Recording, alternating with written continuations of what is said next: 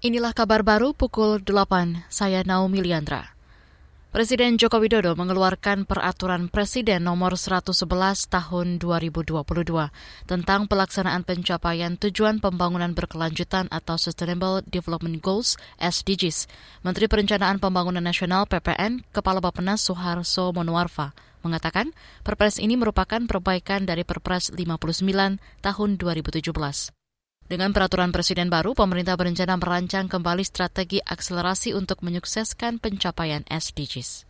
Pertama, pemutakhiran sasaran nasional yang disusun dengan mengacu pada tujuan dan sasaran global tahun 2030 dan sasaran nasional pada rencana pembangunan jangka menengah nasional 2020-2024. Sasaran tujuan pembangunan berkelanjutan nasional tahun 2024 tercantum pada lampiran dan ini harus menjadi pedoman seluruh kementerian lembaga, pemerintah daerah serta acuan pihak non pemerintah dalam perencanaan, penyusunan, pelaksanaan, pemantauan dan evaluasi rencana aksi nasional dan daerah. Menteri Perencanaan Pembangunan Nasional PPN Kepala Bappenas Soeharto Monoarfa mengatakan, Perpres ini mengharuskan ada pemutakhiran peta jalan nasional tujuan pembangunan berkelanjutan atau SDGs 2017-2030.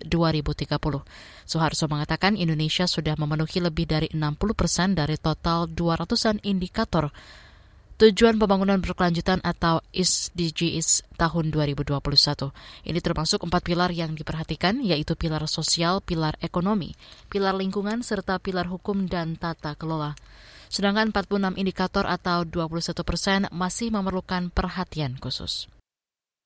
Lembaga Ombudsman RI merekomendasikan Kepala kepada Kapolri Listio Sigit Prabowo untuk melakukan tes urin berkala dan insidentil terhadap seluruh anggota kepolisian di Indonesia.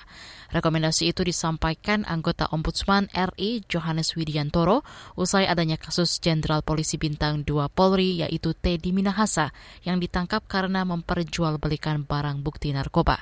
Ombudsman RI juga mendesak pengawasan ketat pengelolaan barang bukti narkoba untuk juga uh, mau melakukan upaya-upaya secara serius, termasuk dengan uh, melakukan uh, dan memandang perlu ya kami untuk dilakukannya uh, tes urin secara berkala dan uh, atau insidental kepada seluruh anggota kepolisian uh, Republik Indonesia.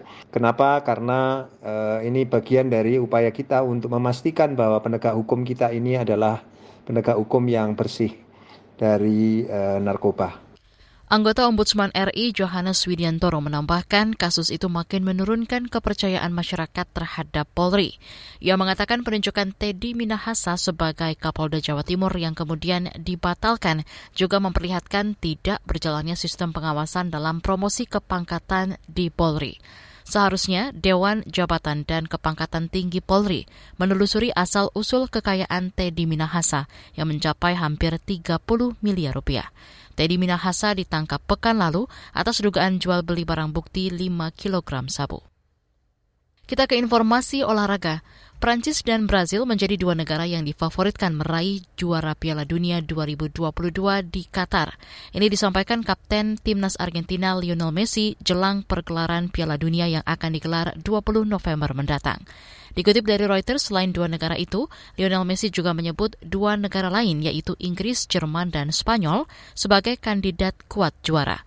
Meski begitu, Messi menganggap juara bertahan Piala Dunia 2018 Prancis dan lima kali peraih juara Piala Dunia Brazil merupakan tim paling baik di dunia saat ini. Messi tidak menyebut negaranya sebagai favorit juara meski tahun lalu memenangkan turnamen Copa America dengan mengalahkan Brazil di. Demikian kabar baru, saya Naomi Liandra.